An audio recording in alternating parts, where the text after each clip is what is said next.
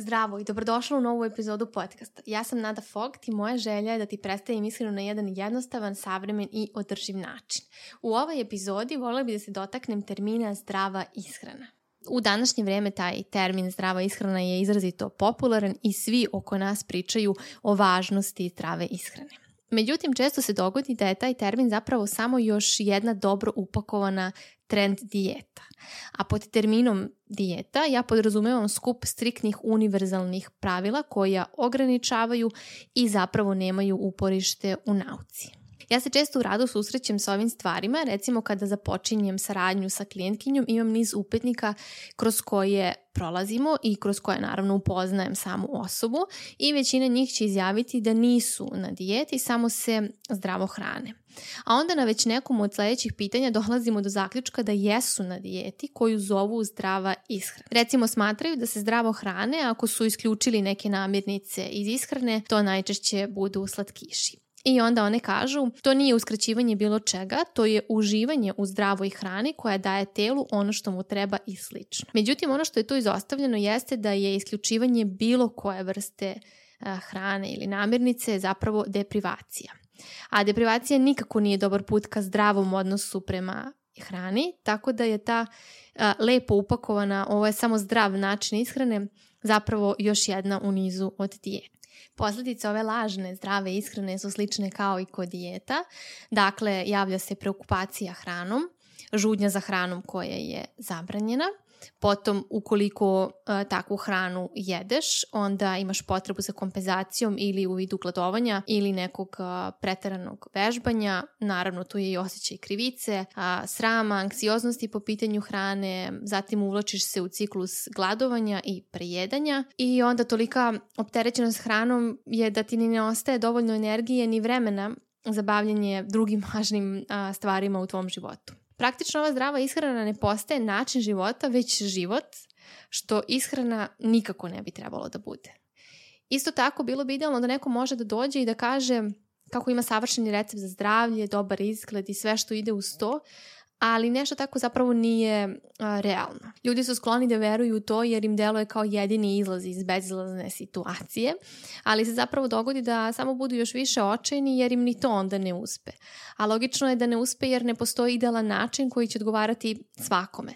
A, zato ja u radu koristim metode koje podrazumevaju i rad na sebi, odnosno upoznavanje sebe u kontekstu hrane i ishrane i na taj način je onda moguće doći do onoga što nama odgovara i rešiti taj problem u samom korenu. Možeš se ti najzdravije moguće hraniti, ali ako nemaš taj zdrav i normalan odnos prema hrani, to onda nije dugoročno dobro rešenje za tebe. I prvi korak ka rešenju jeste uviđanje kako kultura dijeta funkcioniše, kako bi korak po korak mogla da razbijaš loše navike koje si godinama recimo sticala i onda ih zamenila novim onima koje će biti dobre po tebe u svakom smislu.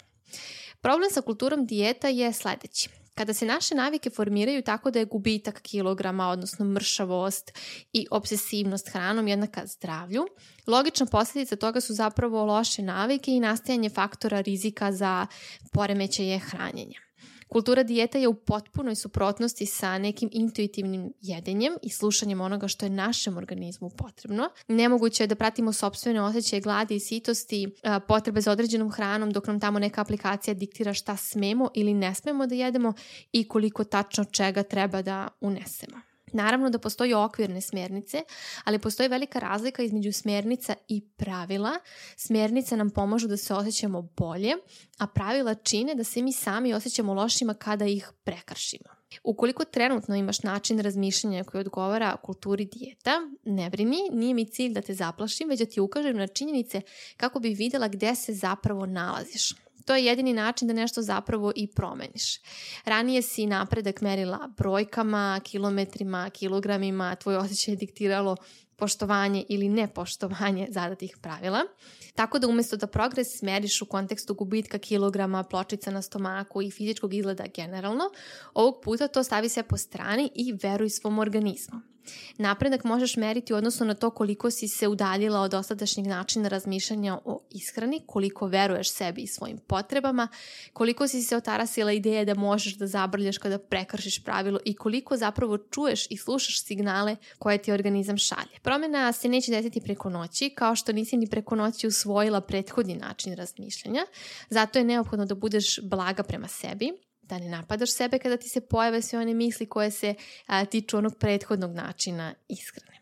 Kako bi ti bilo jasnije, evo nekih primjera kako izgleda razlika između razmišljanja u okviru kulture dijeta, a kako u kontekstu stvarne pravilne ishrane i celokupnog načina života. Evo kakve su misli osobe koja je zarobljena u diet mindsetu. Redovno i puno treniram kako bih dobro izgledala i sagorela sve što pojedem. Kada imam cheat day, nakon toga malo jedem i vežbam još više.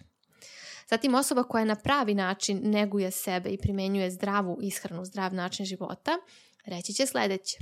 Treniram redovno jer volim kako se osjećam kada se moje telo pokreće. Čini da imam više energije, bolje spavam i budem raspoloženija. Takođe sam odabrala aktivnost u kojoj uživam, redovno vozim bicikl ili trčim i ne sili se da idem na treninge koje zapravo ne volim. Zatim, umesto sledećeg. Osjećam se krivom kada preskočim trening, kaži sebi ovako. Ponekada preskočim trening i to je sasvim u redu. Zatim sledeći primjer. Zaslužila sam da pojedem ovo, trenirala sam dosta, pa sada mogu da jedem šta god poželim jer mi je onako cheat day. Od sutra ću ponovo jesti isključivo najzdravije namirnice i potpuno ću isključiti sve nezdrave. A ti ćeš onda reći ovako. Da li sam gladna? Da li mi se ovo sada zaista jede? Da li ja volim ovo da jedem? Zaslužujem da jedem sve bez griže savesti i onda kada preskočim trening jer je mom telu svakako potrebna hrana. Primećuješ li i sama razliku kako ovo zvuči kada ja izgovorim, a možeš li samo da zamisliš kakav će efekat na tebe imati kada ti to sama sebi izgovoriš?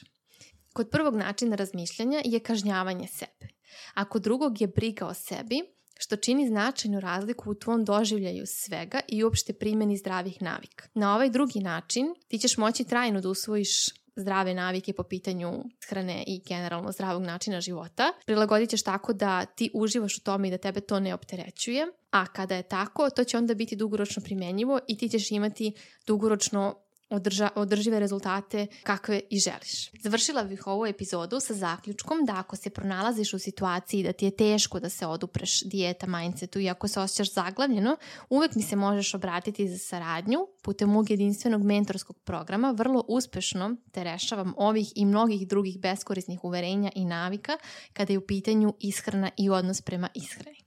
Isto tako, ako nisi spremna na individualni rad, na mojim kanalima se nalazi pregrš besplatnog sadržaja sa kojim možeš početi proces promene. Sav sadržaj možeš pronaći na www.nadafogt.com. Hvala ti na pažnji i čujemo se uskoro.